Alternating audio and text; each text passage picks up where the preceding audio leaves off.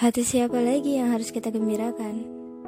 Ibu, ayah, saudara kandung, keluarga besar, para tetangga, teman dan sahabat, dan hati siapa pun yang kita kenal? Ataupun tidak kita kenal.